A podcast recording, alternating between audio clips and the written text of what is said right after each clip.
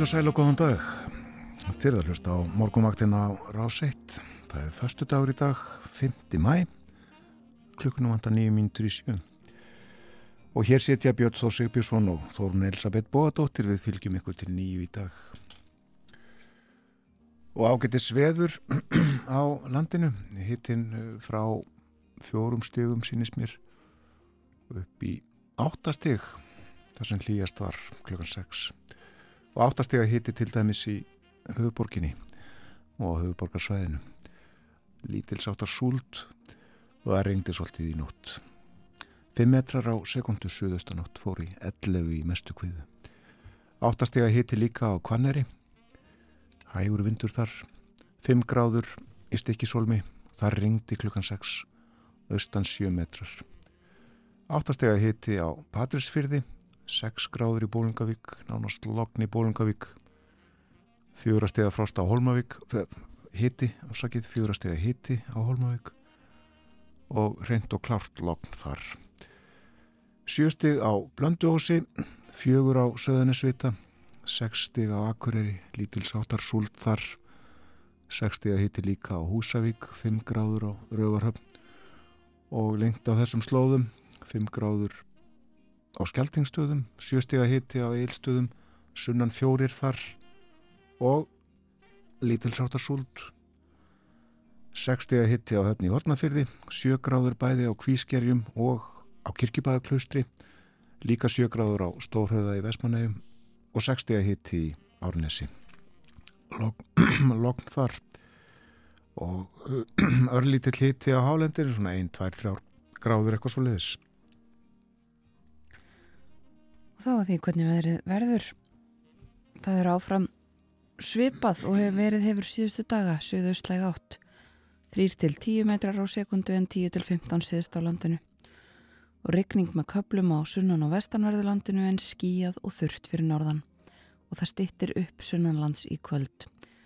Östlægari á morgun og úrkoma lítið en fyrir að regna sunnan til á landinu síðdeis áfram yfirleitt þurft fyrir norðan og hitin 7 til 14 stig að deginu og uh, það eru svo áfram þessar austlægu áttir í kortónum svipað veður næstu daga. Mildar austlægar áttir sem að leika um landið á næstunni segir í húleðingum veðurfræðings. Og rekna má með því að hitatölunar geti náð 15 stigum þar sem best lætur yfir hádægin og fremur þung búið áfram. Það er ekki mikið um tilkynningar frá vegagerðinni þar að segja ekki nýjar það er uh, svipað ástand við á verið hefur uh, þó nefnum við það að hraði hefur verið lækkaður á köplum í þrengslunum á búast við einhverju steinkasti. Aukumenn beðinir að sína aðgátt og tillit sem er þar og uh, sömulegðis þá er krabi á mjóafjörðarheiði og við sjáum ekki betur en allt sem er kjörum kjörum í köllu þar uh, var talsverður órói í gerðmorgun skjáltar bísna sterkir uh, 4,5 held ég sá sterkasti. En uh, innan við eitt stig nokkri skjáltar í nótt. En þetta er ekki óvissu stig sem líst var yfir í gerð óvissu stig almannavarna. Jú, og gulur fluglita kóði fyrir Já, köllu akkurat. Það er það sem gerist þegar að góðstuð sínir merki umfram það sem kallað er bakgrunnsvirkni. Já. ég þekki þetta nú ekki alveg en að minnst að kosti þessar svona varúðaráðstafnir En já, hittina 15 stigum í dag og uh, það verður líklega hittastíð í Lundunum á morgun, auðvitað margra beinast að London þessa dagana. En uh, Karl Konungur þriði verður kryndur á morgun eins og fjallað hefur verið um hér og mjög víða. Og það er mikið húlum hæ í tegnslu við þetta allt saman. Tónlistamenn koma fram nokkrir og uh, í hópi listamanna er Lionel Ritchie sem við ætlum að hlusta á hér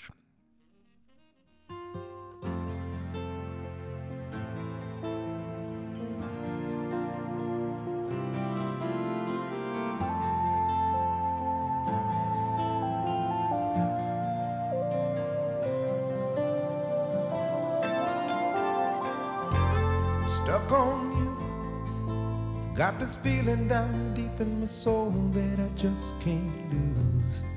Guess I'm on my way.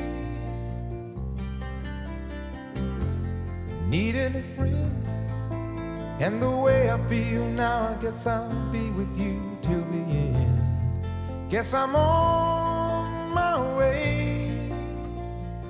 Mighty glad you stayed.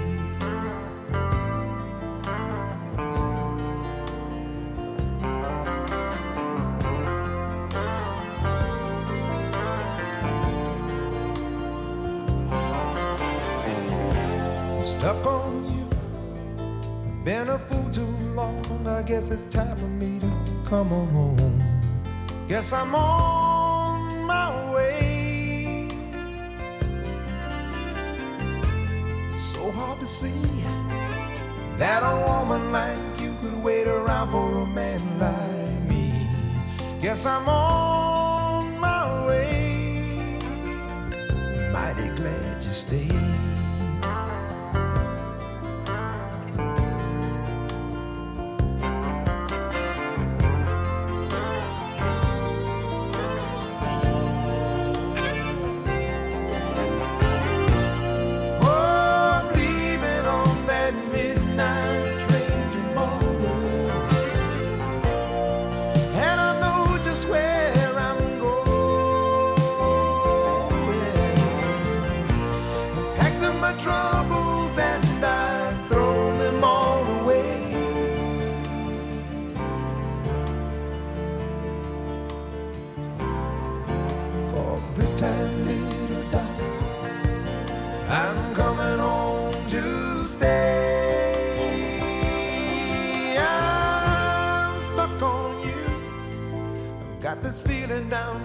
My soul that I just can't lose.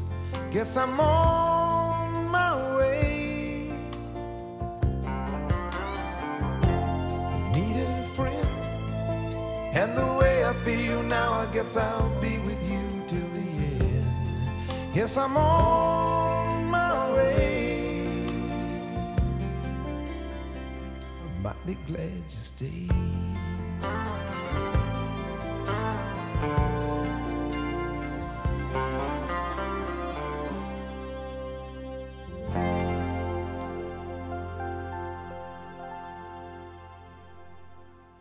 Lionel Richie Stuck on You söngan af eh, plötunni Can't Slow Down frá 1983 og henni voru og eru margir smellir. Titilæð All Night Long Stuck on You og Hello svo ég nefni einhver. En uh, Lionel verður meðal tónlistamanna sem að koma fram í London á morgun í tengslu við kríningu Karls Konungs þriðja. Já, uh, Karl fór yfir Allandshafi til þess að sækja tónlistafólk til þess að koma þarna fram. Katy Perry er þarna líka hún er frá bandarækjunum líkt og Lionel. Viðmælendur okkar koma hins vegar uh, úr Reykjavík og Akranesi og Garðabæ held ég alveg öruglega fyrir betur yfir það eftir hverju verða gestir okkar hér á morgunvaktinni. Þannig að morgunin fréttinnar eru framöndan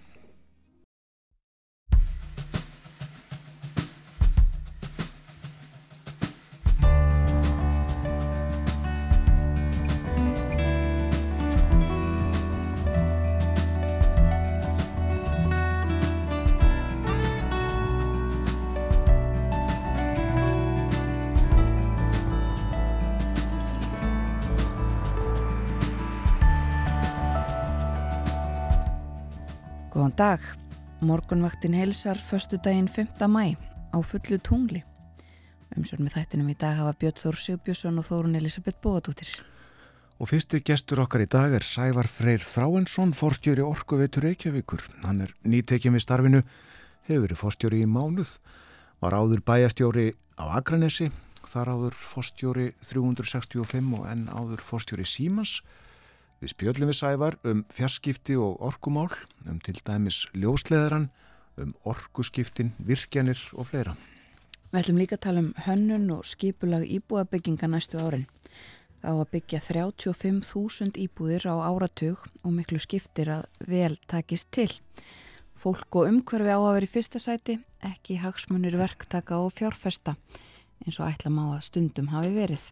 En hvernig verður þetta gert? Við spyrjum að því í þættinum í dag. Og svo er það allt sorpið sem að berst frá okkur. Einu sinni fór allt í eina tunnu og því var styrtað í grefjur sem að svo var mokað yfir. Þetta var einfalt og þægilegt en lengra náðu það ekki og að því kom að umhverfis vitundin saði stopp, hingaðu ekki lengra og þá var tekin upp sorpflokkun og uh, nú stendur fyrir dyrum breyting á því fyrirkomulagi sem íbúar á höfuborgarsvæðinu og suðunessjum hafa búið við að undanförnu.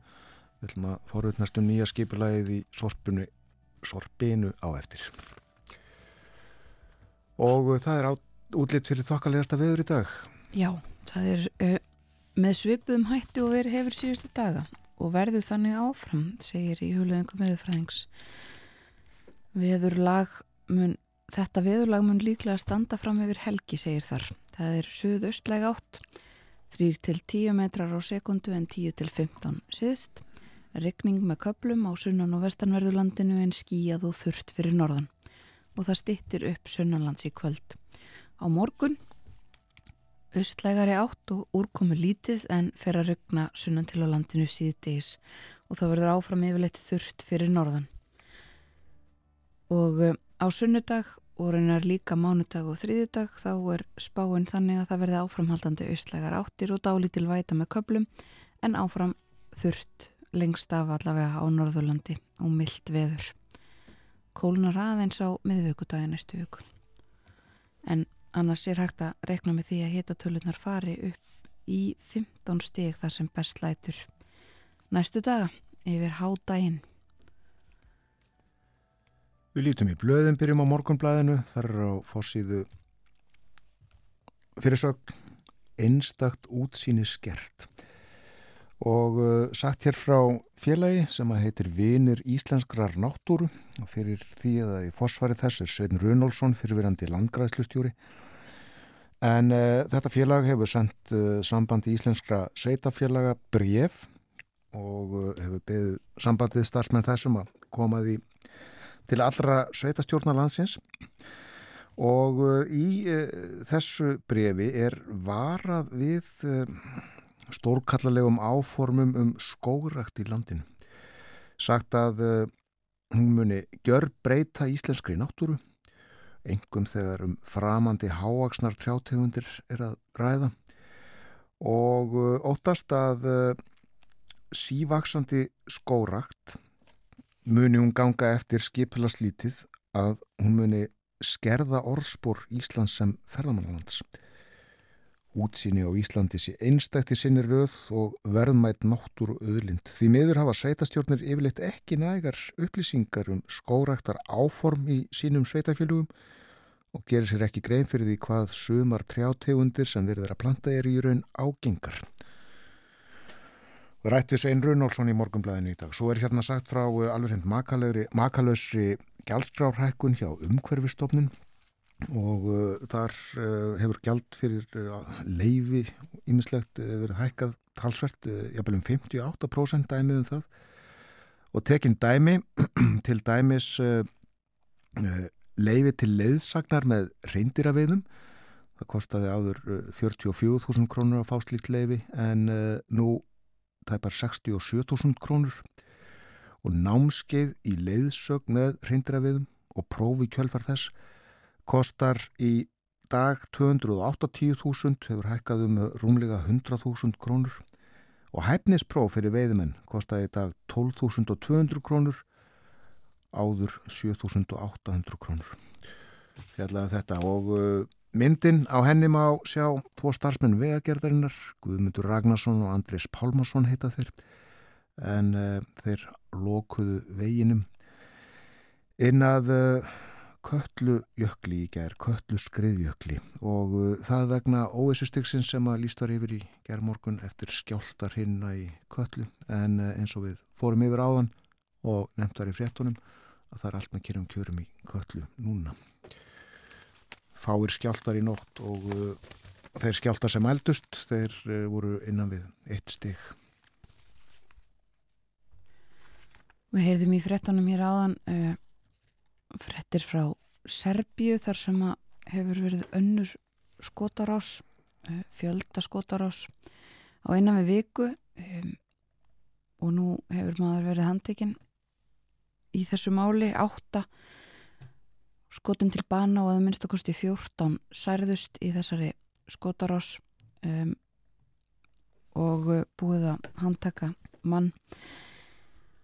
Þetta hafi ekki gerst í, í uh, mjög langan tíma í Serbíu, uh, það eru mjög ströng byssulögjöf þar og sjálfgeft að svona lagað gerist en nú sem sagt tvær svona skotarásir á innan við viku sagt frá þessi fjölmörgum erlendum fjölmölum nú það er þetta líka ímislegt annað til umfjöllunar. Nefnum það að e, í sænskum fjölmölum að þá er fjallaðum uppsagnir. Á 1300 e, manns hjá Volvo.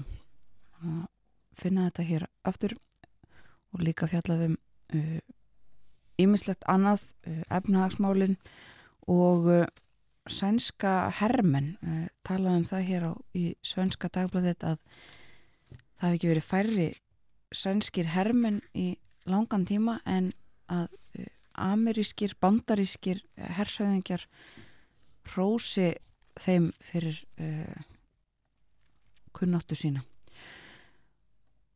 Nú, brettar eru þetta með hugan við uh, kríningun á morgun en það er þó annað sem að uh, er þar að gerast og hefur svo litið fallið í skuggan og það er að það eru kostningar í sveitastjórnum sumstaðar um, og uh, sagt frá því hér að þetta hafi verið uh, þetta hafi verið uh, vonbreiðakostningar fyrir íhaldsflokkin en verkamannaflokkurinn hafi um, hlotið gott gengi í mörgum likil sveitarstjórnum. Og 230 sveitarstjórnir sem að nú er að berast úrslitin úr kostningum í. Og uh, auðvitað eins og yðurlega uh, þá eru uh, leðtúar flokkana farnir að tjá sig.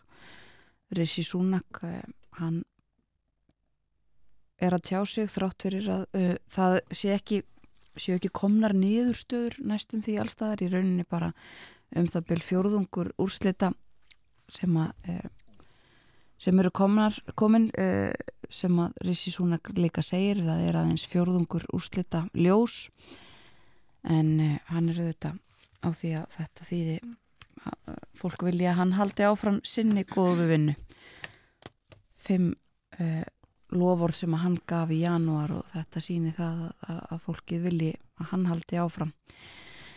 Um, og svo er það annað. Við höfum talað um já í undanfartin daga ímislegt sem tengist þessari kríningar aðtöfn og uh, eitt af því sem ég held nú að við hefum ekki nefnt er uh, baka. Það var búin til sérstök uh, kríningar baka uh, englendingar brettar uh, bögu fólk.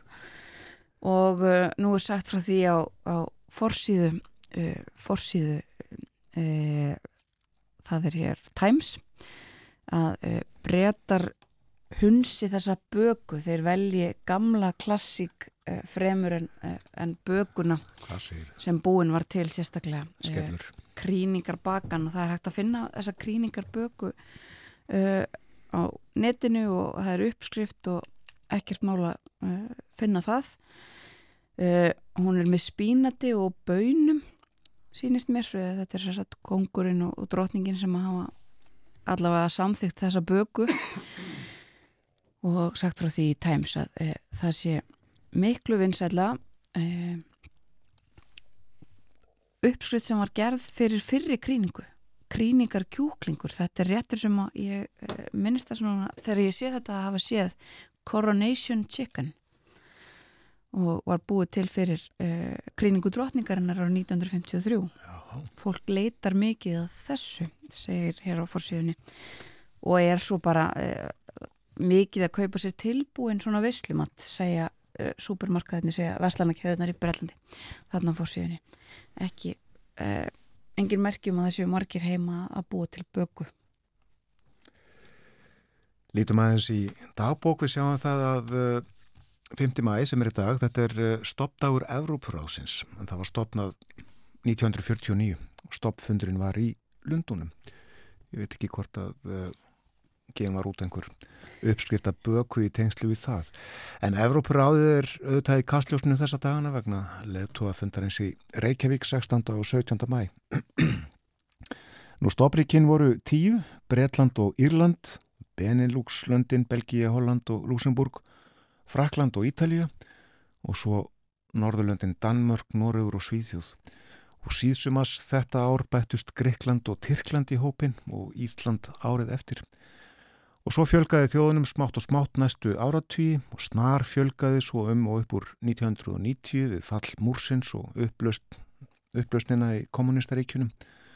Rúsland gekk í Európuraðið 1996 og var vikið úr því fyrra. Síðust til að ganga í ráðið voru Monaco 2004 og Svartfjallaland 2007. En í frétt í morgunblæðinu um stopnun Európuráðsins á sínum tíma sagði Í stoppskrá ráðsins er tekið fram að þáttöku þjóðurnar séu sannfærðar um að menningin fái ekki betri verndar skjöld en þá friðar viðleitni sem grundöllu séu á réttlæti og alþjóðlegri saminu. Meðlimir Európaráðsins séu þess fullvissir að nöðsilegt sé að auka samheldni allra þeirra þjóða Európu sem hafi sömu stefnu og sjónamið. Þeir munu leytast við að hafa sem nánasta samvinnu um áhuga mál sín með umræðum, samþýktum og sameinlegum aðgerðum í efnagasmálum, þjóðfélagsmálum, menningamálum og vísindum. Európaráði mun hafa aðsettur sitt í Strasborg því verður stjórnað af ráþrænemnd og sérstöku þingi. Þetta var 5. mæði 1949. Og haustið þetta ár 49 þá var Íslandi bóðin aðild Ríkistjórnin bar málið upp á alþingi og var aðild samþygt þar með miklum fjölda atkvæða. Og í april 1950 satt svo Bjarni Bendiktsson auðaríkisráþara í fyrsta sinn fund í ráþaranemnd Európaráðsins og þegar ég var að leitað upplýsingum um þetta á tímaritt.is þá rakst ég á þessa frétti þjóðviljanum, hún er frá mars 1950 fyrir sögning var Luxusbílar með hverri ferð og fréttið var svona þó alltaf séu ímiskonar nöðsinja vörur ófáanlegar er stöð og taldið áfram að flytja en luxusbíla. Nokkrir komu með tröllafossi og nýju komu með arnafelli frá bandarækjunum fyrir nokkrum dögum og fleiri voru eftir sem skipið gatt ekki tekið í síðustu ferð. Meðal þeirra sem að komu með arnafelli var Buick bill af nýjustu og flottustu gerð er kunnugir telja að sé ætlaður forstjóra sís það sem bíl hans í orðin nokkuð gamal, líklega tveggja ára. Já, byllandi skens í þessu hjá þjóðvílanum. En talandi um bíla, í upplýsingaefni auðaríkisraðanetisins um leðtóafundin í Reykjavík, þá er minnst á bíla. Á vefsíðu ráðanetisins er efni svona spurt og svarað og uh, spurt er Hvað voru margar bifriðar, kiftar eða leiðar í tengslu við fundin? Og tilefnið er hugsanlega frétt í morgumblæðinu um daginn sem var svo hljóðandi fjöldi Audi Q8 rafmagsbíla er nú við höfnina í Þorlásöfn. Bílarnir voru sérpantaðir hinga til landsvegna leðtúafundar Európaráðsins. Sankant upplýsingum morgumblæðsins voru um 70 bílar pantaðir til landsins til að flytja þjóðarleðtúa og aðra ráðamenn í tengslu við fundin. Og uh, svarið í upplýsingaefni Uttaríkisraðanettisins er svona Íslensk stjórnvöld kiftu enga bíla vegna Aksturs leðtoga og sendinemda í tengslu við leðtogafundin. Viðburða fyrirtæki sem að annast tiltekin verkefni við skipulag leðtogafundarins fyrir hönd Uttaríkisraðanettisins aflaði tilbúða frá bílaumbúðum í leigu bifriða fyrir leðtoga sem sækja fundin Í samræmi við meginreglu laga um opimber inköp var gengið á hagkvamasta tilbúðinu, leiðar verða 42 bifriðar af bílaðumbóði til að sinna axtriðið tó, auk þess sem þjónustu miðstuð stjórnaráðsins leggur til 10 bifriðar ráðunetta. Þá hafa verið leiðar bifriðar af nokkrum bílalegum fyrir axtur sendinemta. ríki sem sagt kaupir ekki eitt bíl vegna þessa. Við uh, hlustum á lag, við myndumst á London hér áðan, uh, bæði fréttir þaðan í tengslu við kríninguna á morgun og uh, svo var það stoppfundur Európaráðsins þar 1949 og hér er söngur um London, stræti Lunduna.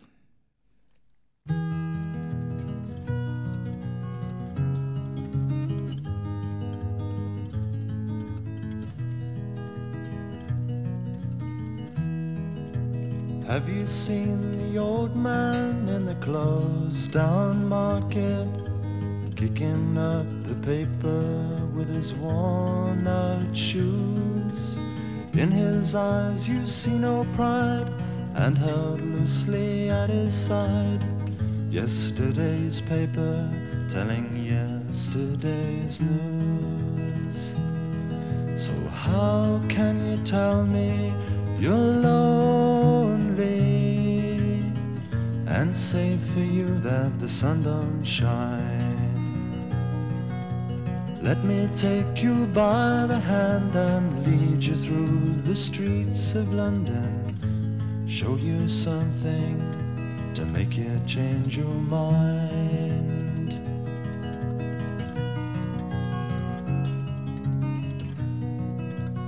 Have you seen the old girl who walks the streets of London? Dirt in her hair and her clothes in rags. She's no time for talking, she just keeps right on walking, carrying her home in two carrier bags. So, how can you tell me you're lonely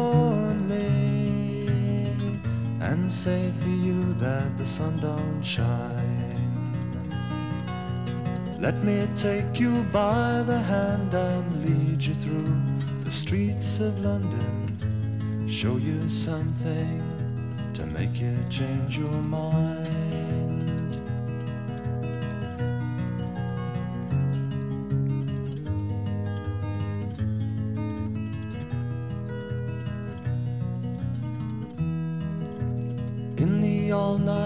Cafe at a quarter past eleven, same old man sitting there on his own, looking at the world over the rim of his teacup.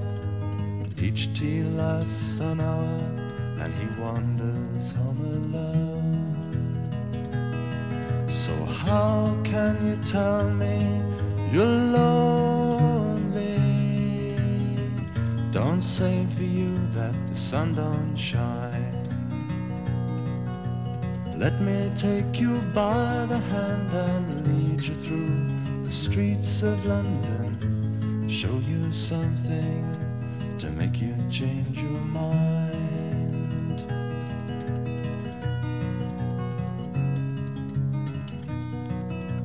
Have you seen the old man outside the seaman's mission? Memory fading with the metal ribbons that he wears. In our winter city, the rain cries a little pity for one more forgotten hero and a world that doesn't care. So, how can you tell me you're lonely and say for you that the sun don't shine?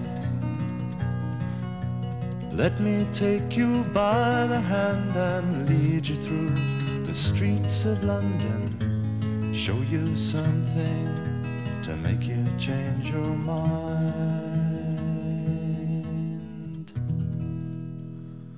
Streets of London Höfundalags og texta Ralph McTell söng og leik kom út 1969 hann uh, var og er þjólaða tónlistamæður uh, þvældist um Evrópu á sínum tíma og uh, spilaði á götum úti Böskari er það kallað.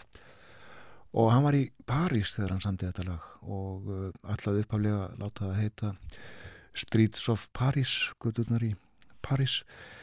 En uh, hugsaði það eins málið hvort það veri satt og rétt og uh, áttaði sig á að uh, hann var ekki að syngja um Guðurnar í París heldur uh, Guðurnar í London, Streets of London Það líður að fréttaðiflitið hjá okkur kemur eftir 5 minútur þegar klukkan slær halv átta.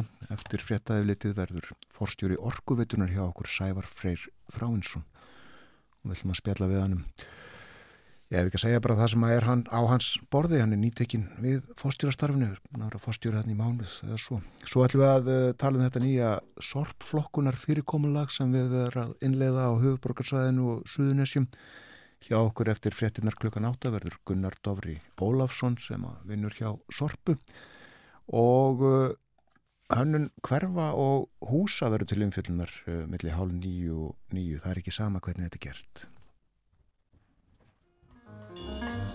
Música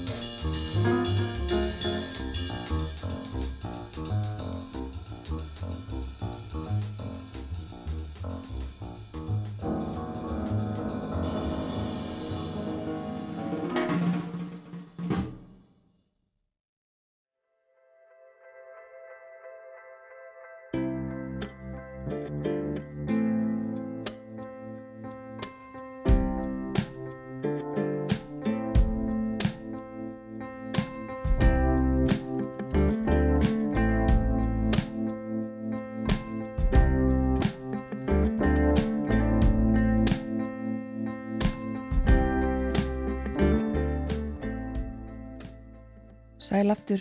Þegar að hlusta á rás 1 klukkan orðin rúmlega halv átt að þennan förstudags morgun er 5. mæg í dag. Og við minnum á það að hér á eftir þá ætlum við að velta fyrir okkur ymsu, við ætlum að ræða um sorpflokkun. Það er verið að breyta fyrirkomulagi hennar á höfuborgarsvæðinu bara á næstu dögum eða veikum Það breytist ímislegt svona í daglega lífinu við það. Gunnar Dófri Ólafsson frá Sorpu verði með okkur eftir frettinnar klukkan átta og svo í síðasta hluta þáttarins þá koma til okkar Arnildur Pálmadóttir og Anna-Maria Bogadóttir, arkitektar. Það er stemt að því að byggja 35.000 íbúðir á næstu tíu árum og hvernig á að fara að því og hverju þarf að huga að. Arkitektum þykir stundum að e, það sé svona eitt og annað sem gleymist þegar að svona verkefni eru sett af stað. Við ætlum að fara yfir þessi mál með þeim upp úr klukkan halv nýju en nú hins vegar höfum við fengið til okkar gest. Já, sestur er hjá okkur Sævar Freyr Fráinsson sem að nú held ég að hafa verið fórstjóri orkuveitur Reykjavíkur í einn mánu, er ekki svo? Jú, það passar, gott að sjá okkur Góðan dag og velkomin til okkar. Við ætlum að spjalla vítt og breytt hér næstu mínútur en uh, byrjum á ljósleðaran. Það dróð til tíðinda í málefnum hans núna í vikunni þegar borgaráð heimilaði, eh, má ekki segja, orku veitunni að uh, selja fjárfestum hlut í ljósleðaranum. Ljósleðaran er dóttu fyrirtæki orku veitunar. Byrjum þar. Uh, hvers vegna hefur verið að selja hlut í ljósleðaranum? Já, það er rétt hjá okkur. Þetta er hérna ákveðið fagnarefni fyrir okkur að núna er borgaráð og reyndar aðrir eigendur borgarstjórn búin að afgreða þetta, Akranes og Borgabið og, og, uh, og Reykjavík eigendur, uh, endalega eigendur að ljóslegaran búin að samþykja þetta. Og við erum uh, hafa lagt á staði vegferð þannig sem við vorum áskæftir í að þetta myndi gerast. Og það er komið þá að þessu þáttaskilum að verkefni er komið til okkar. Og, og ástæðan fyrir að við leggjum á stað í, í þessa vegferð er, er einfallega að uh, við sjáum uh, þarna erum við með afskaplega vel rekið fyrirtæki gríðarlega góður rekstur sem hefur skipt miklu máli fyrir Íslands samfélag. Uh, við hefum búið að byggja þarna upp innvið í, í ára og tí og ég má nú eiginlega segja svona að því að þetta er nú bransi sem að ég þekki nokkuð vel hafandi verið 21 ári í fjarskipta geran að þá er að þá er þarna búið að vinna mikið frumkvöla starf uh, sem varðar samfélagið allt miklu og samkjöfnis uh, staða landsins hefur styrtst vegna þess að við höfum séð uppbyggingu ljóslegarans og þess vegna þegar við erum að stíga skrefin áfram núna þá erum við að horfa á tækifæri og möguleika til þess að styrkja okkur áfram á þessu sviði. Uh, viðskiptafinnur okkar kalla eru með þarfir sem við þurfum að fylgja eftir. Uh, við erum að sinna þeim um all land. Þarna erum við að horfa í, í heilsulu þjónustu af því að stærsti hluti þessa fyrirtækis snýstum að veita hennum ímsu fjarskiptafyrirtækjum þjónustu og markaði sem að síðan skila sér í í uh, magnaðri þjónustu ljóslegarans uh, víða um land og, og við erum að tegja okkur lengra hvað, hvað þetta varðar. Og ef að og þannig virkar þessi bransi einfallega að ef að ef að þú ert ekki að veita heilstæða þjónustu og sinna viðskiptaðinuðinum þá þurfa þeir að velja að fara annað. Og, og það er partur af þeim skrefum sem við erum að stíga að en, sinna þessum viðskiptaðinum og, og það kallar á fjármagn Eh, fjármagn sem að sem að við ætlum að, að sækja inn í fél, félagið sem er afskaplega vel reikið og ætti að vera eftirsótt að fjárfesta í og gera í leiðinni okkur kleift að, að laga uh, fjármagsstruktúr félagsins og ebla á því sviðinu og tryggja það að við getum sótt þá fram á sama tíma. Býtu þarf að leggja ljóslegaran víðar en nú er eða, eða hvað? Já, þarna er, höfum við vissulega hérna, möguleika. Það hefur verið fjallað um, um uh, að við erum að kaupa ákveðna innviði til þess að, að geta svona fyllt okkar áforma eftir af sín uh, sem að er þá liður í þessu, þessu skrifi og svo sömulegðis að geta hérna, veitt þjónustu víðar uh, og, og svona sé til þess að til dæmis 5G sendar séu tengtir viða um land, allt þetta, er þetta partur af, af framþróun uh, landsins. Við erum svo sem ekki með 5G sendana en það þarf ljóslegara í þetta allt saman svo að þetta vinni saman sem einn heilt. Já, akkurat. Og uh, þeir eru að vonast til að fá hvað, 10-15 miljardar fyrir þetta eitthvað sluðis?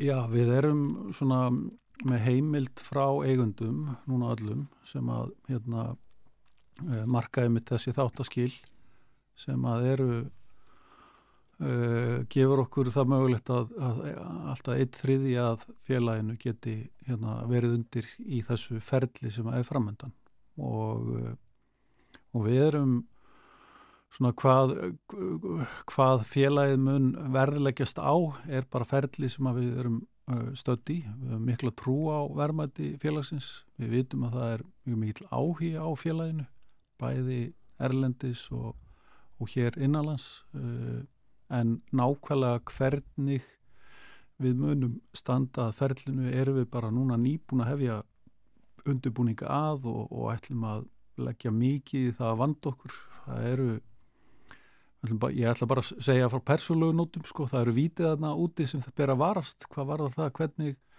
að það er að standa vel að svona málum og við ætlum svo sannarlega að gera það. Býtu hver eru vítin?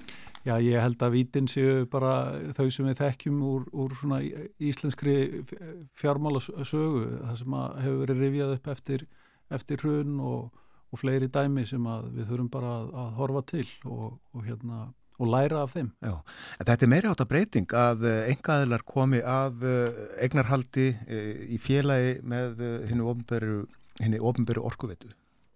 Já og það er auðvitað eitthvað sem er partur af þessu að búa til svona uh, struktúr sem að gerir þetta áhugavert fyrir alla og, og ég þekki það svo sem að hafa starfað eins og ég saði áðan í fjarskitageran það sem að uh, síminn fór úr því að vera í eigu ríkisins og svo að hluta til í, í hérna eigu enga aðila og svo reyndar þróast það með þeim hætti að það fór alfarið til enga aðila. Hér er verið að leggja upp í vegferð sem að gengur út á einn þriðja og það er það sem við teljum að dugi til þess að, að þetta félag geti sótt fram næstu uh, ára tíuna. Er áleitlegt uh, heldur fyrir fjárfesta eiga uh, þriðjungslut í uh, fyrirtækinu á móti uh, sveitafélagunum? Já, það tel ég. Ég held að sé til dæmis fyrir, fyrir uh, lífeyrissjóði sem að þurfa á því að halda hafa stöður og góðar fjárfestingar til þess að ávaksta sitt fjö, það geti verið mjög áhugavert. Það er ekki á hverjum degi sem að svona félag býr, býðst á markaði og ég á vona á því að, að það verði hérna, áhugið til dæmis úr þeir, þeirri áttinni en, en við vitum af áhuga víðar en það er bara ofsnemt að vera eitthvað tjási of mikið um, um uh, sko, hvaða leið verður valinn og, og hvernig við munum útfæra það. það það er eitthvað sem við ætlum að, að bara undibúa vel, vand okkur vel við þetta og kynna að sjálfsögðu vel áður en að það fer í uh, formlegt ferli hefst. En heldur það sátt að renni upp uh, innan einhverja ára, ára fára jafnvel að engaðiðalum verður gefum kostur á að fjárfesta í orkuvetinni sjálfri? E, það er bara á forræði eigenda komandi mm, svona frá einum eigandanum þá þætti mér það afar ólíklegt en, en hérna ég get, er bara lélugur spámaður sko en ég á ekki vonaði að það sé sé fókusin að, að, að það verði gert nokkuð tíman sko. Nei komandi frá einum eigandan með að þú varst bæjastjóri á Akranissi. Já, það passar. og það ráður fyrir uh, hlustendur sem að, að klóra sér kannski aðeins í kollinum yfir því sem að sagði, sagði frá aðan að þá uh, var hann hjá Símanum og var þar forstjóri og, og svo setna hjá 365. Hvað fannst þér þegar þú varst hjá Símanum uh, um uh, það að orkuveitan ætti ljósleðara? Já, þetta er mjög skemmtileg spurning. það er uh, þegar ég hef búin að vera einmitt í því verkefni að vera uh, samkynnisaðili við, ljóslegarans, viðskitaðvinur ljóslegarans, ég var hjá 365 meðlum, persónulegur viðskitaðvinur og sömulegðis hérna einn eiganda. Og nú er ég hérna held á því að, að þetta sé mikilvæg eign innan fyr, fyrirtækja samstæðu ég stýri. Þannig að ég, ég held að ég sé búin að vera í mismunandi hlutverkum uh, það er auðvitað bara gríðarlega mikilvægt að, að hérna, eins og ég horfa át í dag að það sé til mikilvægur innviður sem að eh, er að keppa á þessu markaði. Keppa við mjög öflugan aðila sem að hefur byggt, byggt upp. Uh, símin var á þessum tíma með mjög mikla hagsmunni af uppbyggingu ljósnett sem að byggði á kopar þráðum og ljóslegarinn var tengdur inn í hverfin og koparinn notaður síðustu metrana.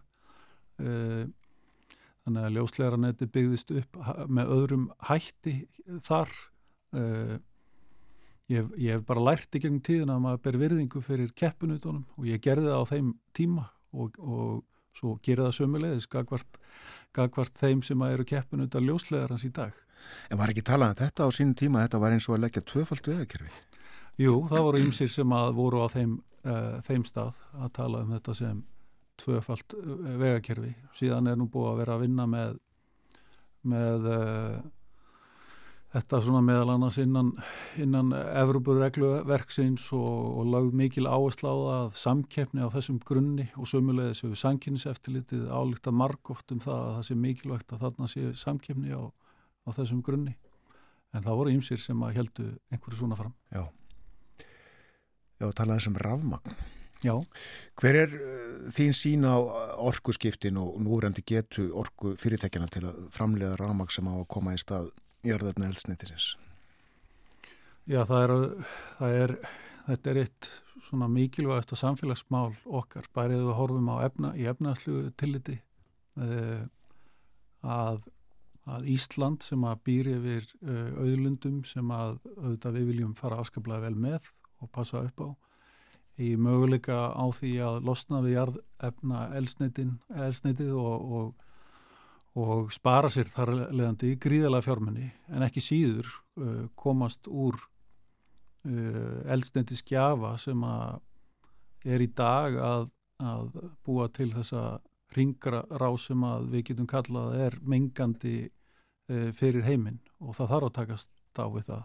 Og, og við erum bara einstaklega heppin hér í landi þar sem við höfum byggt upp uh, þessi öflugu fyrirtæki hér á Íslandi og, og orkuveitan og orka náttúrunar og enn uh, eru að, að vinna mikið frumkvölastarf starf á þessu sviði þar sem við höfum verið að, að taka skrefin markvist áfram og verið að leiða markaðin og segja í því að að tryggja að, að rafleðslu stöðar séu sem víðast í bóði. Við þurfum að horfa uh, víðar, við þurfum að horfa á, á uh, skipaflótan okkar til lengri tíma. Við þurfum að, að stíga þessi skref mjög ákveðið áfram. En á sama tíma að, að kunna að bera virðingu fyrir náttúru auðlindin okkar. Uh, ég man þá tíð að við töluðum um að, vatn og ramagn á Íslandi væri óþrjótandi auðlind og við þurfum að kunna að, að fara vel með hana. Uh, og það er eitthvað sem ég hef fundið mjög sterkt þegar ég kem inn í, í orkuveituna að það er mikil umhverfisvitund, mikil vilji til þess að sumuleiðis að, að sækja fram og tryggja það að við séum að auka lífskeiði í samfélagin okkar af því að þetta er, ef við horfum á það, eitt af því sem hefur verið hvað mikilvægast í íslensku samfélagi, það er uh, vinna ork, orkuveitur Reykjavíkur eða orkuveitunar í því að auka lífskeiði samfélaginu. Og ef ég tek bara örstutt svona hliðarspor í þessu við berum okkur saman til dæmis bara hvað kostar húshitun og, og, og ramagn í öðru löndum í samanbyrju það sem við erum með á Íslandi það er eitthvað sem við eigum bara að vera stolt af sem Íslandingar að horfa til. Og, en ef við kemur aftur á, á sporið hvað var það spurninguna þá eru við uh, með uh, þá þurfum við auðvitað að, að, að horfa á þennan orkugjafa og, og, og rafleðslur sem orka náttúrunar hefur svo sannlega verið að taka markvið skref áfram. En það eru þetta mikilvæg samkefni á markanum líka og, og það, henni viljum við sinna vel á hérna, heilsulisti og gerum það sumulegis og það er bara afskaplega mikilvægt að við séum að, að sjá sem flesta sækja fram á þessu sviði. En þarf að virkja meira? Það er óumflíðalegt að það þarf að sækja meiri orku. Bæði uh, þarf að sækja hérna, meiri orku í, í formi varma, uh, þá hittavitu og, og það er unni mikið frumkvölastörf áfram á, á því sviði við þurfum að, að stíga fram og, og, og sækja og vinna að því að ebla raforku kosti e, nú er ég hins vegar búin að vera fjórar vikur í starfi. Ég finn fyrir sko, þekkingunni og hefninni sem er í fólkinu og viljanum til þess að standa sig vel þarna. Þá þarf sömulegis að vanda sig afskaplega vel. Stíga hérna, skrefin markvist áfram en vandlega út frá þeim umhverfis gæðum sem við viljum tryggja að séu áfram í okkar samfélagi og líka fara vel með auðlindina af því að auðlindin er takmörkuð. En hvaða framkvæmdir eru svona líklegastar að verði, verði næstar rauninni hjá ykkur? Það er, það er verið að, að, að skoða ímislegt sem að, sem að snertir einmitt þennan varma sem ég var að nefna. Eh, við erum að skoða vindin og við erum að, að hérna, við erum í gríðalegum fjárfestingum núna þessi uh, þessi árin bæði til þess að sinna viðskiptaðunum okkar til dæmis að, hjá veitum og sem eru sveitafélugin og við erum að, að sækja fram í, í því að styrkja það er uh, virkjanir sem við erum með núna þannig að, að við séum að fara betur með auðlindina sem að hérna, er til dæmis á hellis heiði og, og það er verið að, að leggja e, svona, já, við getum kallað að það er, það er sókn nánast á öllum sviðum, sama hvar er borin niður, e, hvort sem að það er ljósliðarinn eða, eða veitur eða ON eða Carbfix sem eru auðvitað hérna, einn ángi líka í viðbútt að þessu, þessu, þessari magnaðu samstæðu sem að þetta, þessi heyrir undir, undir orkuveituna. Allt er þetta feikilega umdelt alls konar skoðanir á þessu. Já, það er, það er umdelt uh, það er umdelt en líka gríðalega samfélagslega mikilvægt uh, og það er mikilvægt að við séum að vanda okkur þegar við stígum skrefin áfram og byrjum verðingu fyrir skoðunum fólks og séum tilbúin að þrá okkur áfram sem samfélag þrátt, fyrir það. Já. Náttúrulega spyrjaði hérna í lokinsæfar uh, þessar uppbruna vottanir á, á rámagni, uh, sölu á þeim, uh, þetta er nú illskilinlegt mörgum en, en uh, sala á þessu hefur verið stöðvuð selur orkuveitan svona uppbruna vottanir? Já, við gerum það og þetta er mjög mikilvægt fyrir Íslands samfélag að þessari óvissu sem að er stendur núna yfir í sölu á þessum uppruna óttunum verði eitt. Eh, það er unnið að því markvist á vegum eh, ON og, og eh, landsvirkjunar og landsnets að, að hérna, eða þessari óvissu. Erum háar fjárhæðar að tefla fyrir orkuveituna? Já, ég held að sé um háar fjárhæðar að ræða fyrir alla sem að koma að þessu á, á orkumarkaði því að spáð að heldar markaðurinn í, í framtíðin geti orðið 20 miljardar þannig að hagsmunir eru miklir hagsmunir eru miklir fyrir Íslands samfélag og það skila sér síðan í, í því að við, við uh, erum með velreikin fyrirtæki sem eru hugsuð fyrir, fyrir samfélagið og, og íbúana sem eru hér það skila sér í í því að við getum bóðið hagstæðari kjör og öllu sem við erum að gera. Já, en hvað, ég skilir þetta ekki alveg, sko, var eitthvað sleifalag í bókaldinu á þessu? Já, það er, hérna, það, það er grunur um uh, að, að svo kvöldu tvítalning sé að ræða og þá er kerfið bara ekki að fungera eins og það er í hilsinni og það kallar á eftirlit. Eftirlit sem er ekki hjá orkufyrirtækjum sjálfum og, og Íslenskt samfélag og stjórnvöld þurfa að laga það sem að upp á vandar í þessu. Hver heldur utanum þetta? Hver tvítaldi? Já, nú er, er einmitt þetta, það þarf að tryggja það að að það sé eftirlitsaðiliti staðar skýr og hann vandar. Það er það sem það þarf að koma á. Þakka þér kellega fyrir að koma til okkar, byrja einn hér eh, með okkur á morgunvaktinni Sævar Freyr. Góður dagur og ég verða að koma þig af því ég var afi í annarsínu nótt að þetta er einstaklega góður dagur og indislegt að vera hjá okkur. Til hamingi með það. 5. mæði dag. Fórsetafrúna ámal í dag glæsilegt, ekki ónýtt ega amali með henni.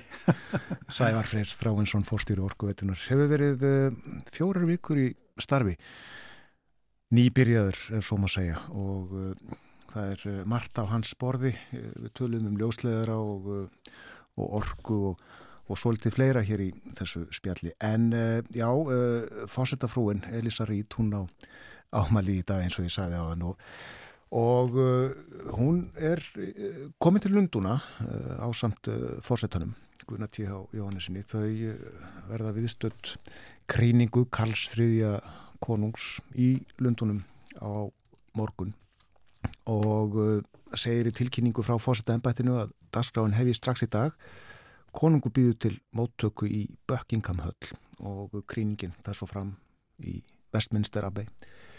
Og að kríningu lokinni þá býður James Cleverly, auðvitaðriksráþra Breitlands gestum til hátegisverðar í Church House við Dean's Yard í Westminster og uh, þau hjónin sækja þann hátegisverð ef ég skil rétt. Og uh, einnig uh, morgunverða fundu málefni smára þróunar eiríkja í Lancaster House. Þekkiru þessar byggingar Lancaster House og og hvað sagði ég, Dean's Yard? Já, Church House, Dean's Yard. Nei, ég þekki þetta nú ekki. Westminster Abbey þekki ég. Uh, þar hafa kongar og drotningar verið krynd frá því, ég veit ekki hvernig og þú hefur heilt Buckingham allavega. Jú, sannlega. Ég veit ekki hvort einhverjir íslendinga leggji leið sína aðrir en fástahjónin til Lunduna vegna sjálfrar kríningarinnar, eh, svo sem ekkit ósennilegt, það verður líf og fjör á götum borgarinnar, það eru það 70 ár síðan þjóðhugingi var síðast kríndur á Englandi. Eh, ég veit ekki um skipulaðar ferð hérðan, en Nei. til slíkrar farar var enn 1953 þegar Elisabeth var krínd. Ferðarskristofa ríkisins stóða ferðinni og það var flóið út kvöldið áður og svo heim daginn eftir aðtöfna og uh, ferðarskriftofan sagði í auðvilsingu þáttakandum verður útveða sæti svo þið sjáu sem best hátíðarhöldin. Það er ekki ónýtt. Ég held að fólk sé búið að vera þarna alla vikuna uh, til þess að tryggja sér sæti við hátíðarhöldin í þetta skipti. Ég veit ekki hversu margi fóru út með ferðarskristofu ríkisins 1953. En framöndan eru fréttinnar, eh, fyrst auglýsingar eftir fréttir sorpflokkun, þetta nýja fyrirkomlaga á höfuborgarsvæðinu og suðunisjum og uh, svo ætlum við að uh, velta fyrir okkur hvað þarf að hafa í huga þegar á að reysa 35.000 íbúðir á tíu árum.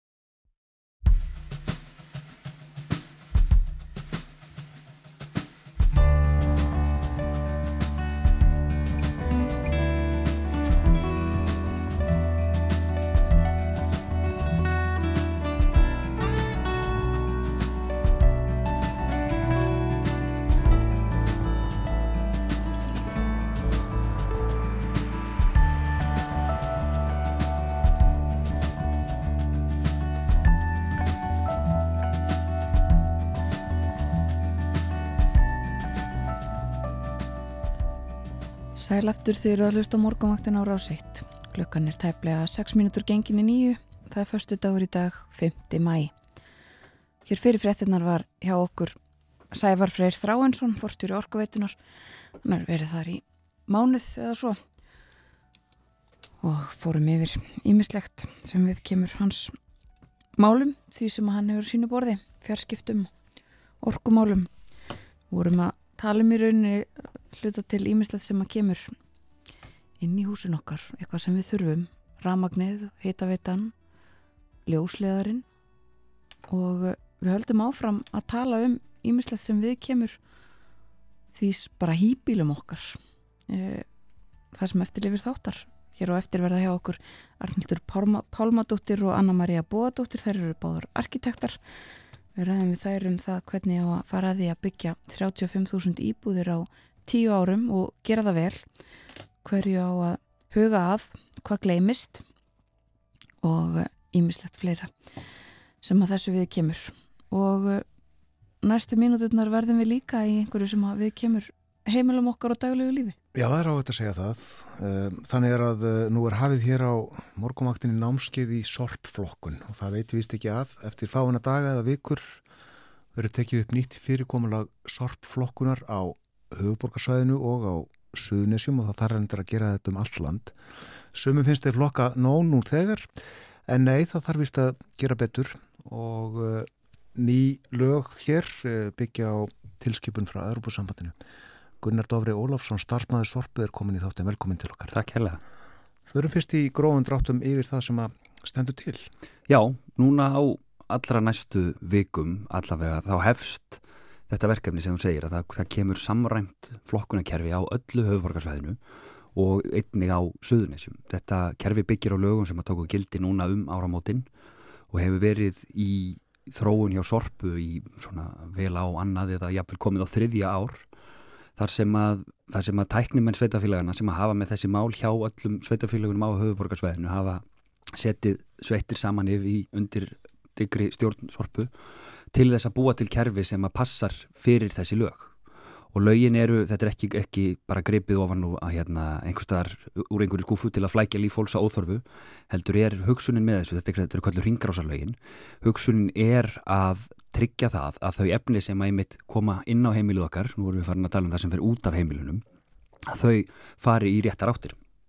Og ástæðan fyrir því að þau þurfa að gera það, fari í rétta flokka það er að ef, ef, ef það er ekki gert þá er miklu, miklu erfiðara að endurvinna þá þau og viðhalda þeim í ringrásinni. Þannig að þetta er, þetta er, þetta er bæði gríðarlega stórt svona ringrásarmál en ekki síður loftslagsmál sem við getum kannski aðeins svona snert á hérna á eftir. Já, en stóra breytingi núna, hver er hún? Hún er, það er sko, það er náttúrulega komist að koma með, með leikmun í útvarp en hérna við hliðin á mér er stóra breytingin. Það er þessi, þessi græna karfa sem að kemur undir eldúsvaskinni á fólki og hún er hugsuð fyrir matarleifar og, og fyrir, fyrir lustendur sem að eru að hlæja mig núna fyrir að hafa komið svona þá er vefurinn flokkum.is með allar upplýsingar um hvað gerist, hvenar það gerist og hvernig það gerist. Þetta er eins og svona kollur eða fótskimill á kolvi. Já, fólk, fólk hefur haldið að við séum að láta það hafa skammeil fyrir barni til að busta tennunan á en ég hvet fólk eindreiði til að gera það ekki og ber enga ábyrð á því ef að börn gera það og stór slasa sig á þessu. Ég held að það sé lítið, lítið burðaðfól í þessu.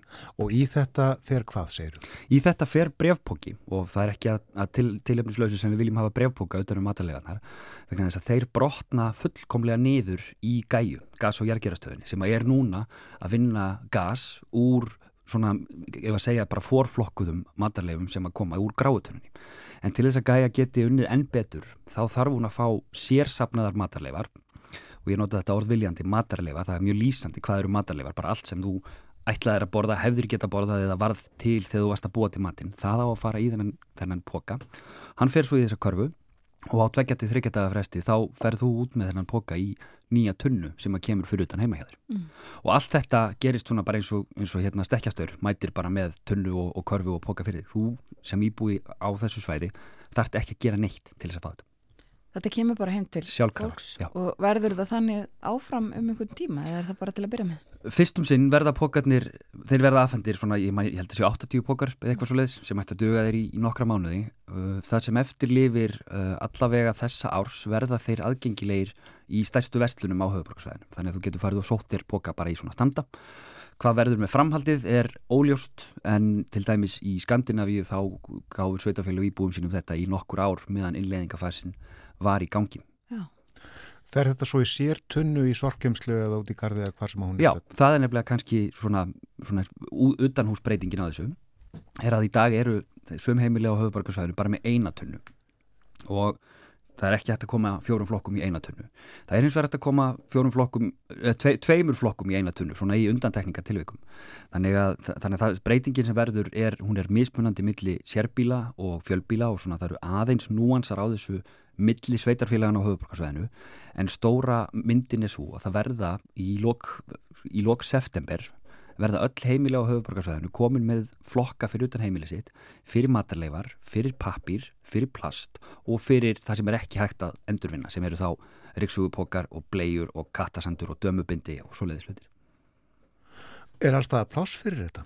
Það er nefnilega áskorun í, í sömum tilvíkum. Í fjölbíli verður það sennilega minni áskorun heldur en maður hefði haldið að því í einhverjum tilvíkum verður tunnum bara skipt út. Þannig að þú ert í dag með átta tunnur, þá tvær fyrir plast og þrjár fyrir pappír og, og þrjár fyrir, uh, fyrir plastið þá verður bara einn af þessum blönduðu tunnum tekin og einn tunna fyrir matarleifar kemur í staðin það...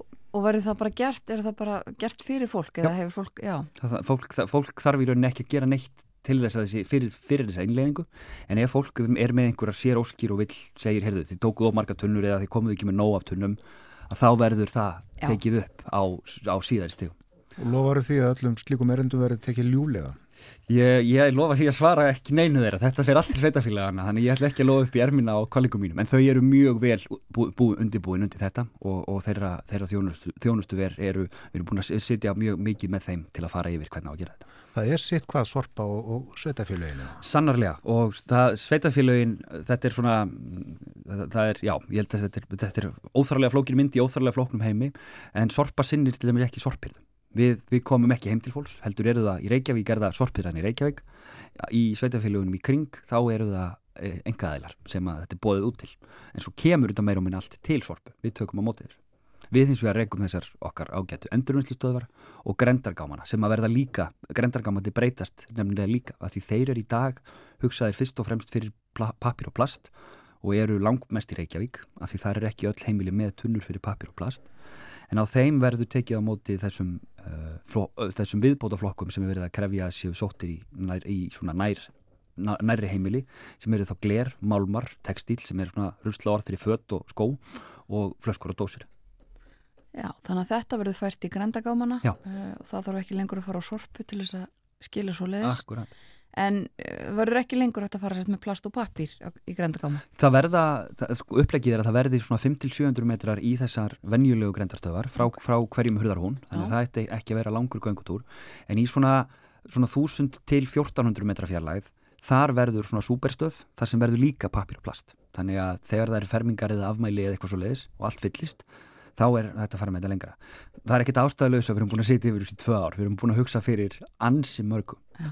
En svo koma sérbílinn sem eru stundum erfiðara því það er fólk búið að byggja tunnuskíli utan um tunnurna sínar og það er oft tvö tunnuskíli og þá hugsa maður hvernig getur þú komið fjórum flokkum inn í tvö tunnuskíli.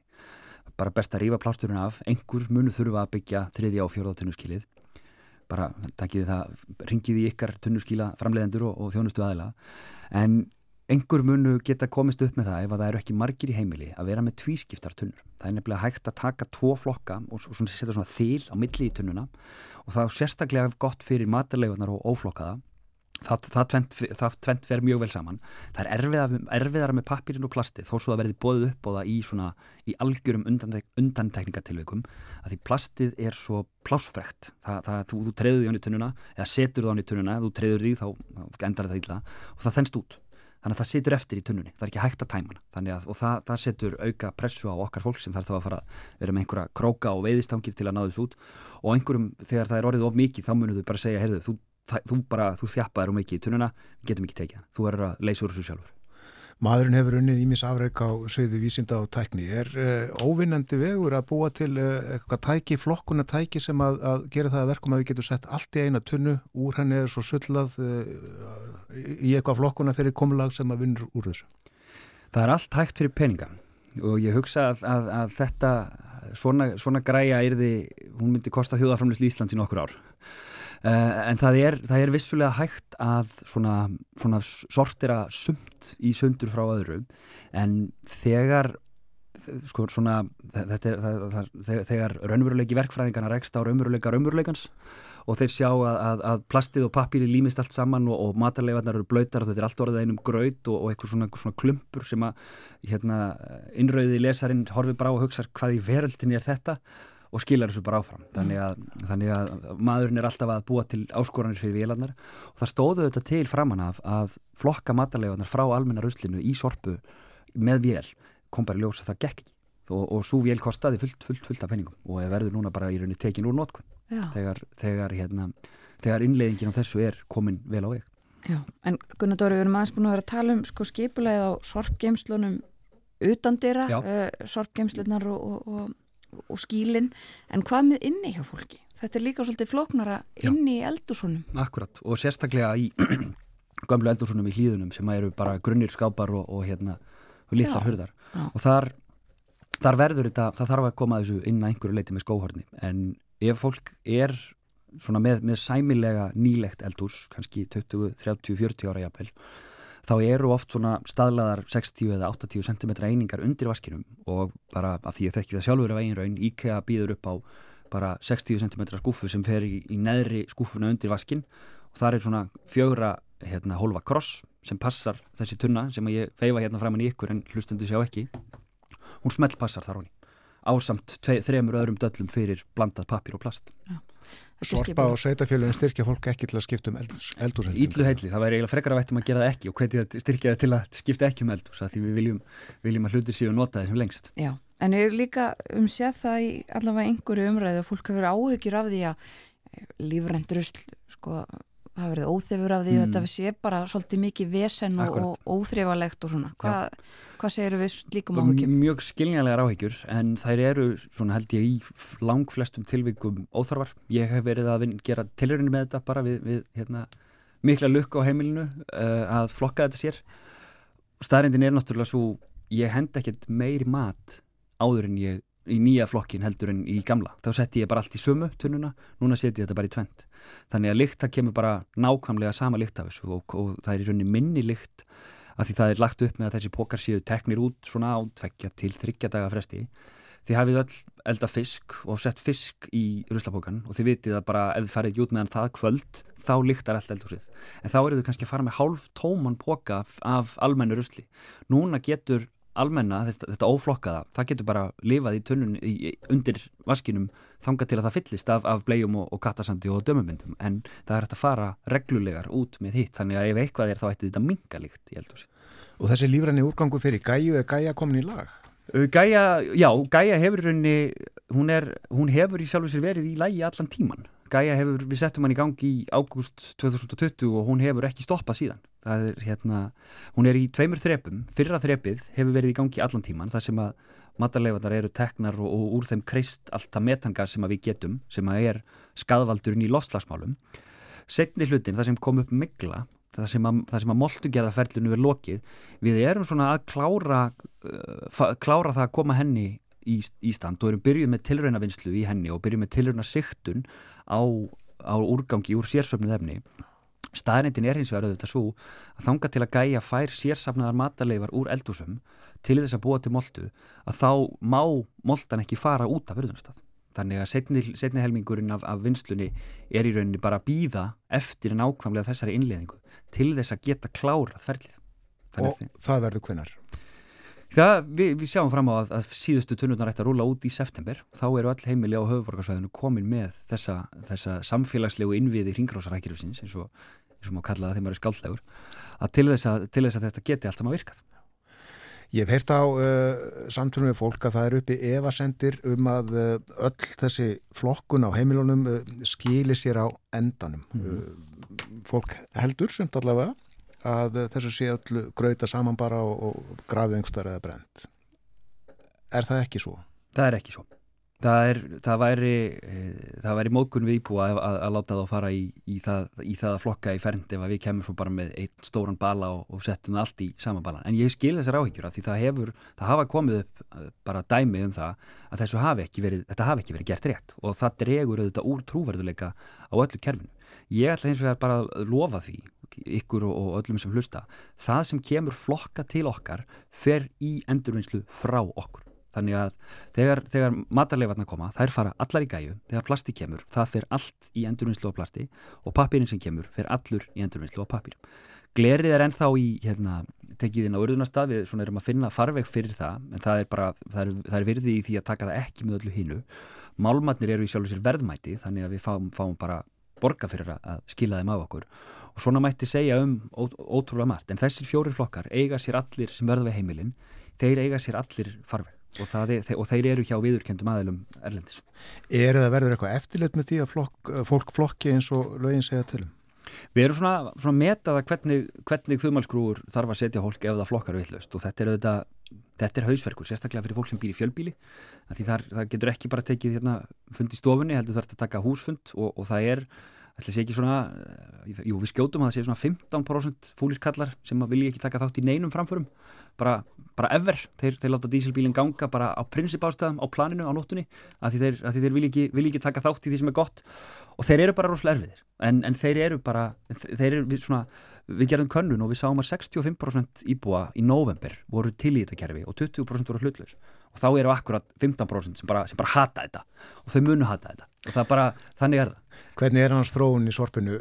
Eikst sorpið hjá okkur eða frá okkur eða drefur úr því? Heyrðu, gleði frétti, það er að minga Við, við erum að fara, ég, nú man ég ekki nákvæmlega tölunar en við förum úr einhverstaðar svona, einhverstaðar norðan við 190 á 190.000 tonn sem er alveg svona, þetta eru 600 tonn á dag, þetta er alveg svona ógvöðlegt tala niður í rétt sunnan við 190.000 tonn, ef ég man rétt. Ég er, ég er ekki með þessar tölur alveg á hreinu þær eru, þær eru að koma af úr brentvillinni en það hérna það er bara mjög vel og það, það sem er helst að aukast eru, er hlutfall endurvinnsluefna, sem papír og plast og allt þetta, þannig að að blanda þær að minga og við erum að fara með þetta í, í rétt átt.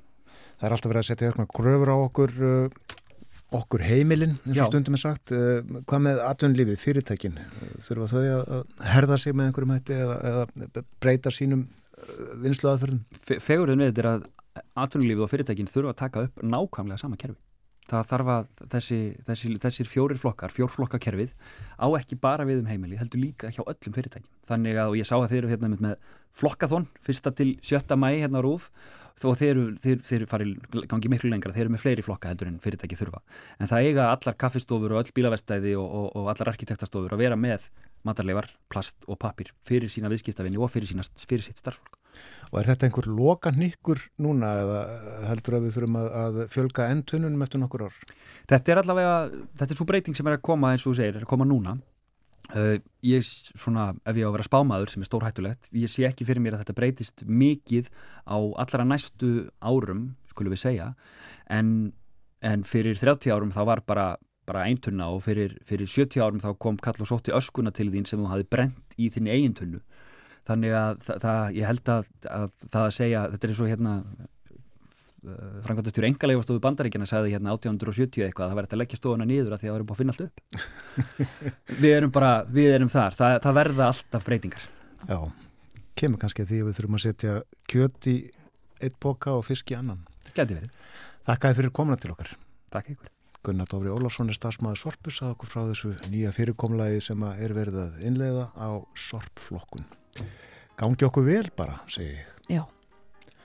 Framöndan er fréttaði við litið og eh, eftir það ætlum við að uh, spyrja hvernig á að uh, reysa 35.000 nýjar íbúðir á næsta áratug eða svo með hagsmunni fólksins og umhverfisins að leiðilósi.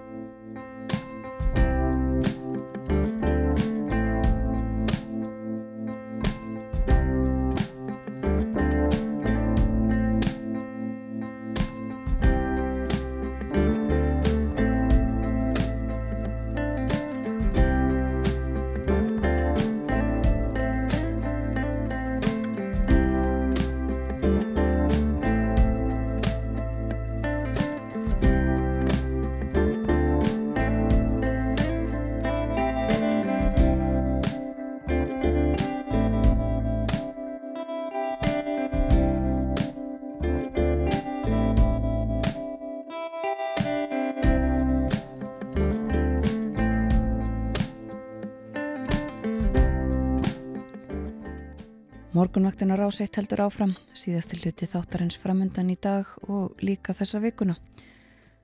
Við vorum með Gunnar Dóra Ólafsson frá Sorpu hjá okkur hér áðan, rættum um endurvinnslu, breytingar á henni og Sorphyrðunni hjá okkur.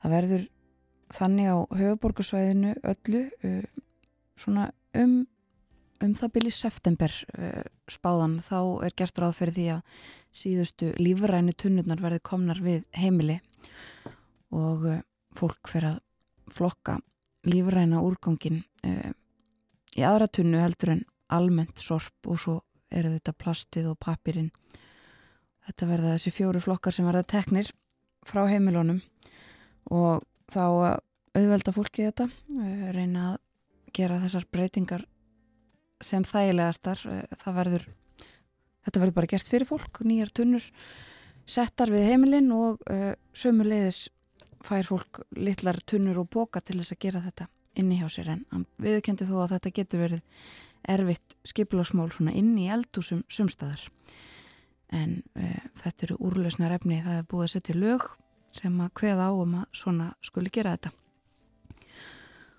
Og fyrir morgun var hjá okkur Sævar Freyr Þráhansson frá Orkuveitunni. Við rættum líka um ímislegt eh, meðal annars það sem við þurfum til húsitunar, eh, ramagnið, eh, fleira sem við fáum undir okkar og gerir daglegt líf okkar eins og við þekkjum það.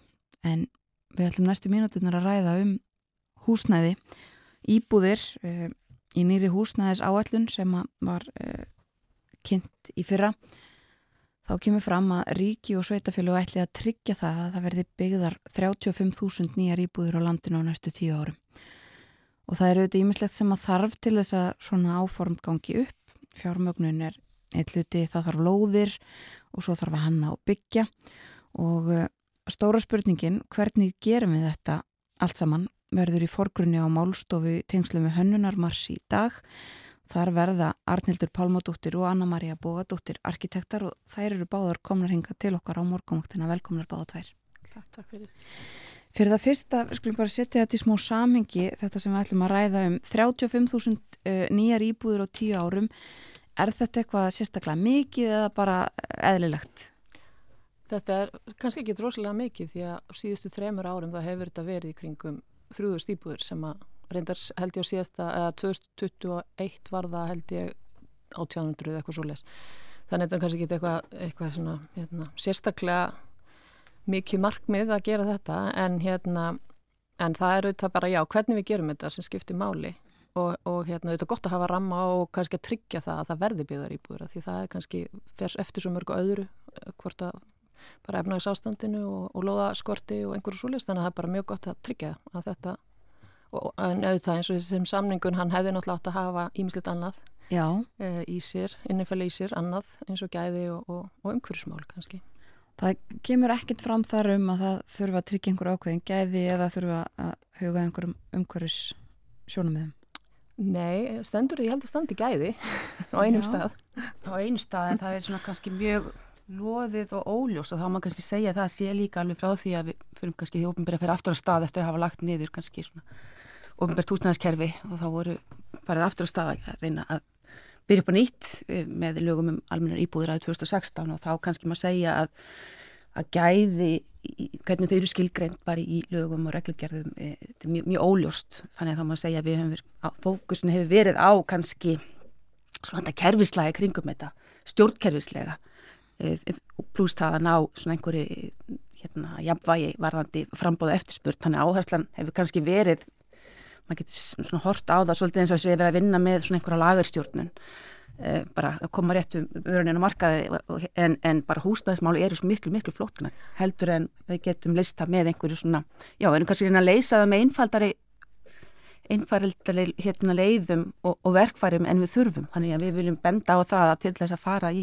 og fjalla um húsnæðismál þá þarf að gæði og umhverju vera í forgrunni og samfélagið og hana vantar svolítið teikningun af henni og það að vera inn í íbúðunum og upplifa þær. Eh, það er kannski það sem að vantar í þessa, í þessa miklu og metnaði fulli vinnu hins ofnbæra og um, ég veit að fagsamfélag arkitekta og, annar eru mjög tilbúin að taka þátti í meira máli. Þess að gaman líka í dag að vera með svona kannski fókus og þennan þátt þegar það kemur að þessum, þessari íbúða upp, uppbyggingu. Það var svolítið skemmtilegt þannig að Design Talks, það var hérna landslæsarkitekt því mann ekki alveg hvað heitir, uh, hann var með einhvers konar ef við þýðum þannig bara yfir þá sagði hann að ef við erum með vandamál uh, þá er lausn, en það vill enginn bú í lausninni. Því að lausnin er bara þetta ráa sem við erum búin að vera að gera, að leysa húsnæðismálinn við þurfum hönnuði arkitekta, við þurfum mannfræðing og samfélagsýna til þess að gera þetta einhverju gæðarlegu sem við viljum bú í og líka bara læra af sögunni og hvað hefur verið gert og hvernig. Já. Það er það sem við viljum benda á líka. Já, og það er mitt kemur fram í textaði tengslu við þessa málstofu. Nú sé tækifæri til að við gerum okkar allra besta og sköpum íbúður og hverfi sem að setja fólk og umhverfið í fyrsta seti. Förum að þessi yfir það hvað það er sem að uh, við þurfum að því að segja arkitektarsamfélagi er tilbúið að koma þarna inn í og það eru þetta kannski fólki sem er eh, mest í þessu, að huga að þessu og líka bara því hvernig okkur líður þar sem við búum og þar sem við erum.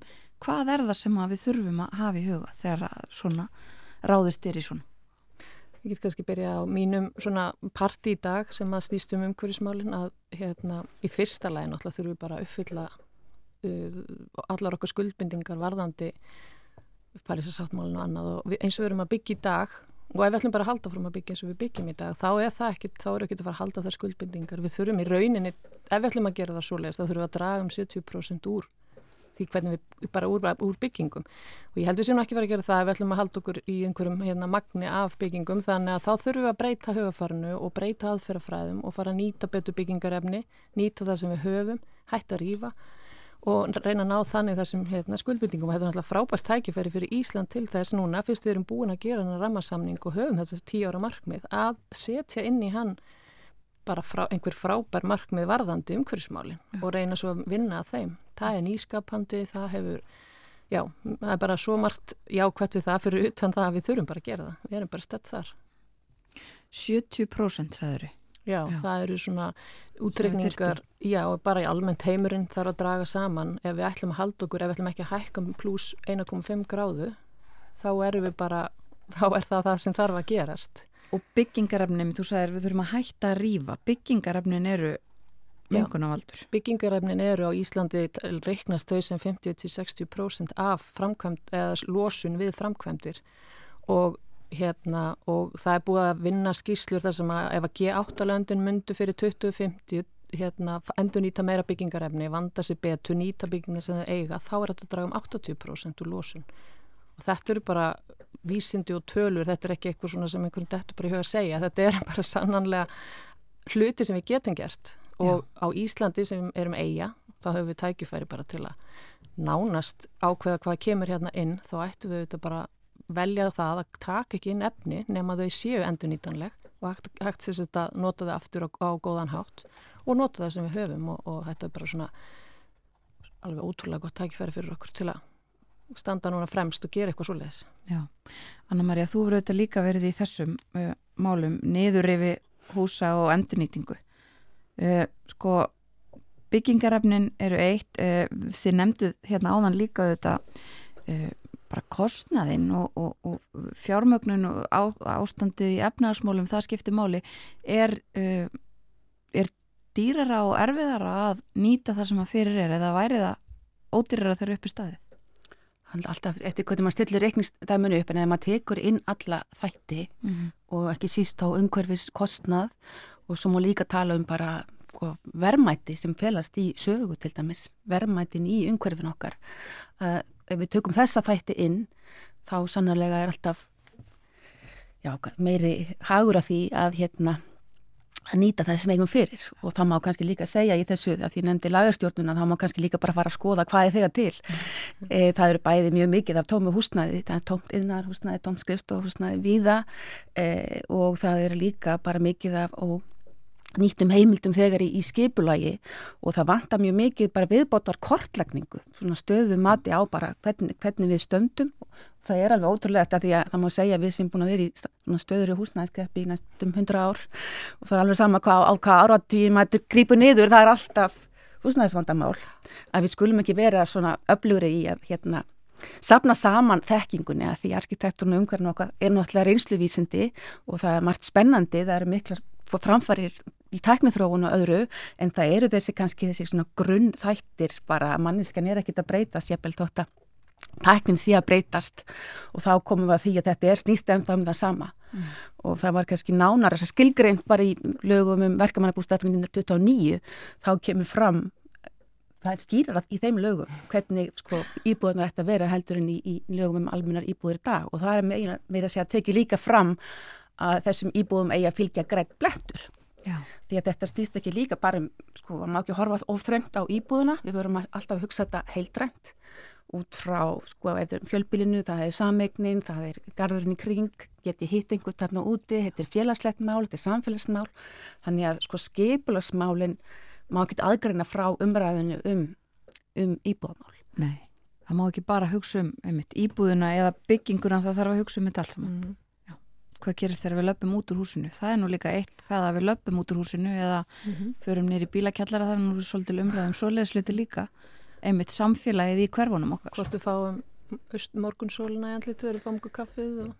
Það skiptir Já. öllu máli og, og líka ska, við séum bara sem flest sko, vakandi og þetta er mjög tyrfið efni margt af þessum mm. fyrir maður skoða sérstaklega fyrir svona málþing þá fyrir maður að skoða sérstaklega þessi þessar reglugerðir og það er mikið verið að gefa út af efni, grænbækur og svo stemtaði ekki út kvítbækur og hérna þannig að það er sannlega verið að vinna og vinna og vinna og vinna. En okkur finnst vanta meiri áherslu á þessi arkitektónísku gæði.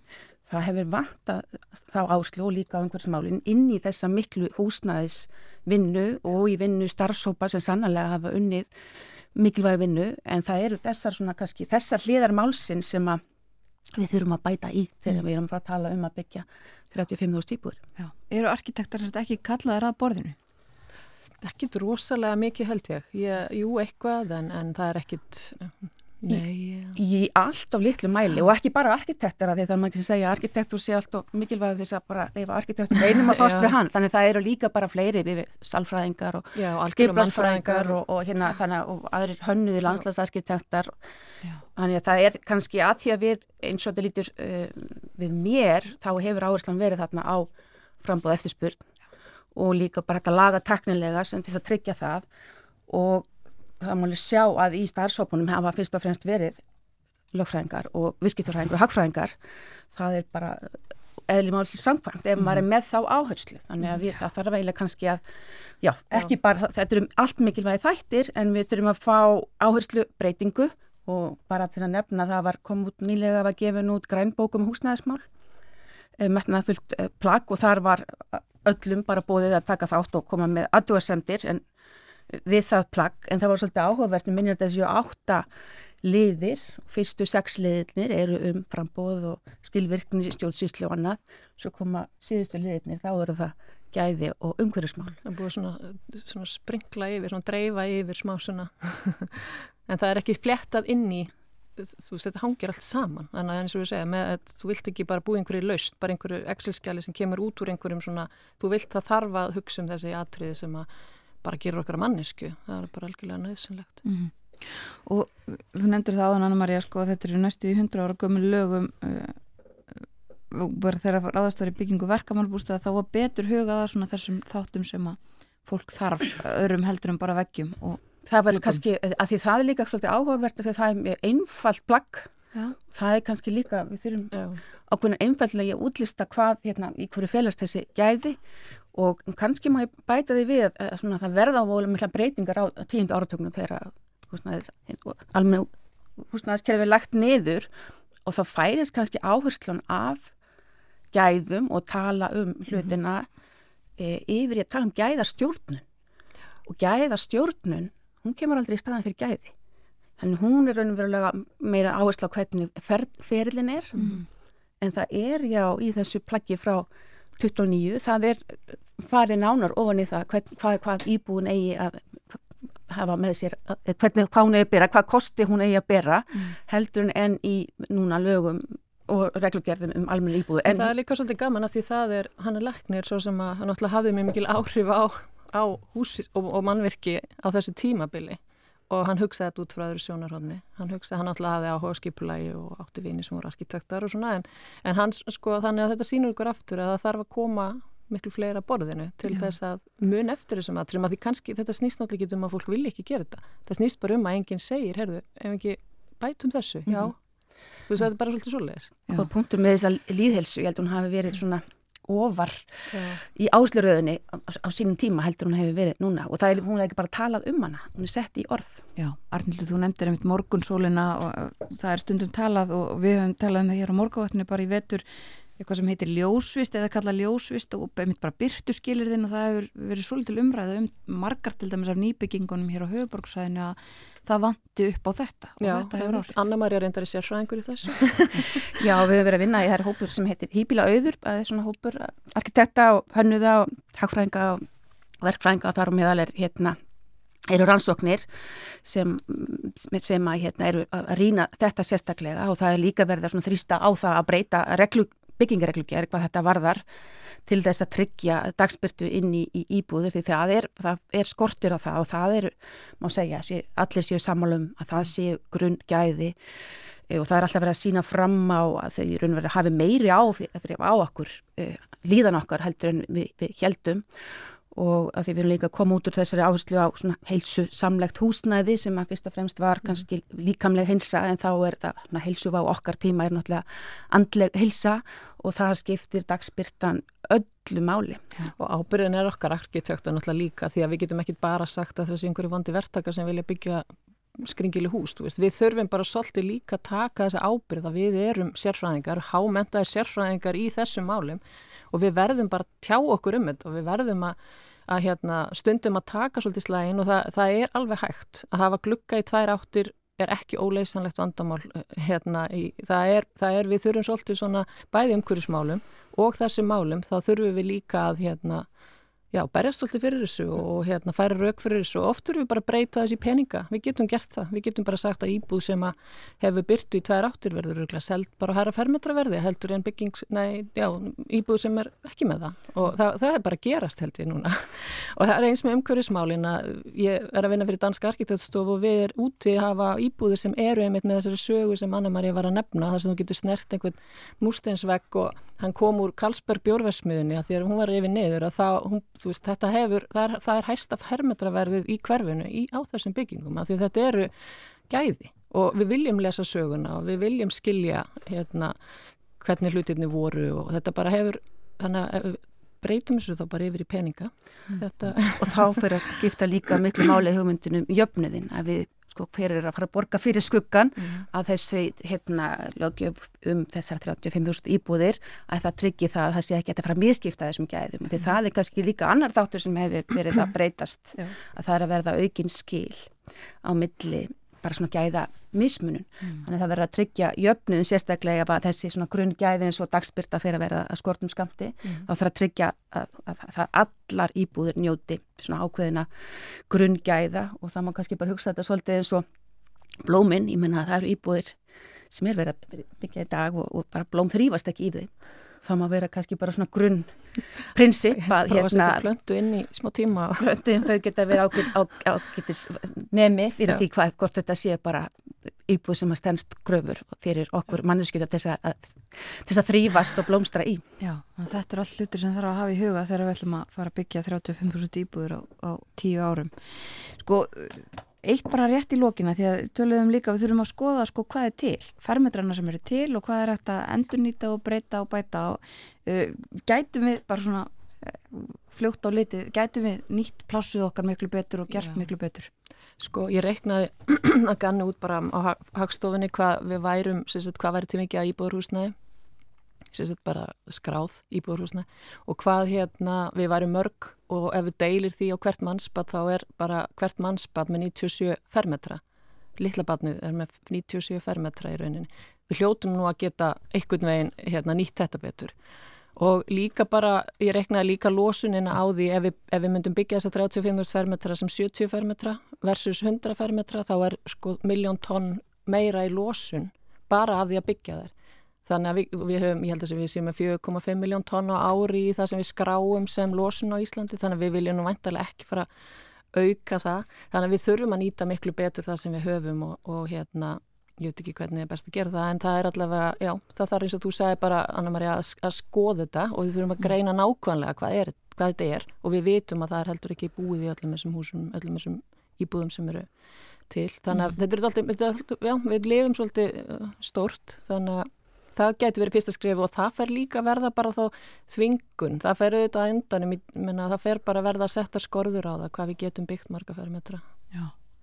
Og þannig ertu bara að tala um einmitt íbúðahúsnæði sem er til og þú nefndir auðvitað líka Anna-Maria og nýtt eh, annars konar húsnæði sem Mhm. væri hægt að breyta. sem væri hægt að breyta. Já. Kanski, eins og þú ert að nefna, er mikið að greiningavinni og mikið að rannsóknarvinni sem þarf að fara fram og þar eru við kannski líka svolítið, um, já, takmörku, það hafa ekki verið gerðar mjög takmarkaðar húsnæðisrannsóknir út frá þessum þáttum sem við erum að ræða hér og vanta mjög mikið upp og það hefur verið meira verið áhersla á svona markasrannsóknir og annað slíkt í, í húsnæðismálum. Þannig að þar þarf sannarlega að- að að bæta í og til dæmis eins og Askur uh, sem er byggingar eða mannverkja rannsóknarsjóður og en komin á lakirnar sem er, er frábært ég held að, held að upphæðin í þeim hérna sjóði eins og hann stendur í dag hann er svona ávið eina meðal íbúð í, á höfbrukarsvæðinu þannig að það þarf að sko, já það þarf að gera þetta af metnaði og við verum ekki tilbúin svona borga fyrir gæði og, og, og lofslags áhrif þá er alveg spurning hvort við eigum að vera að byggja. Já, Og það eru tækifæri til að tækifæri fyrir nýsköpun í þessu ef við ætlum að endur nýta byggingarefni til dæmis.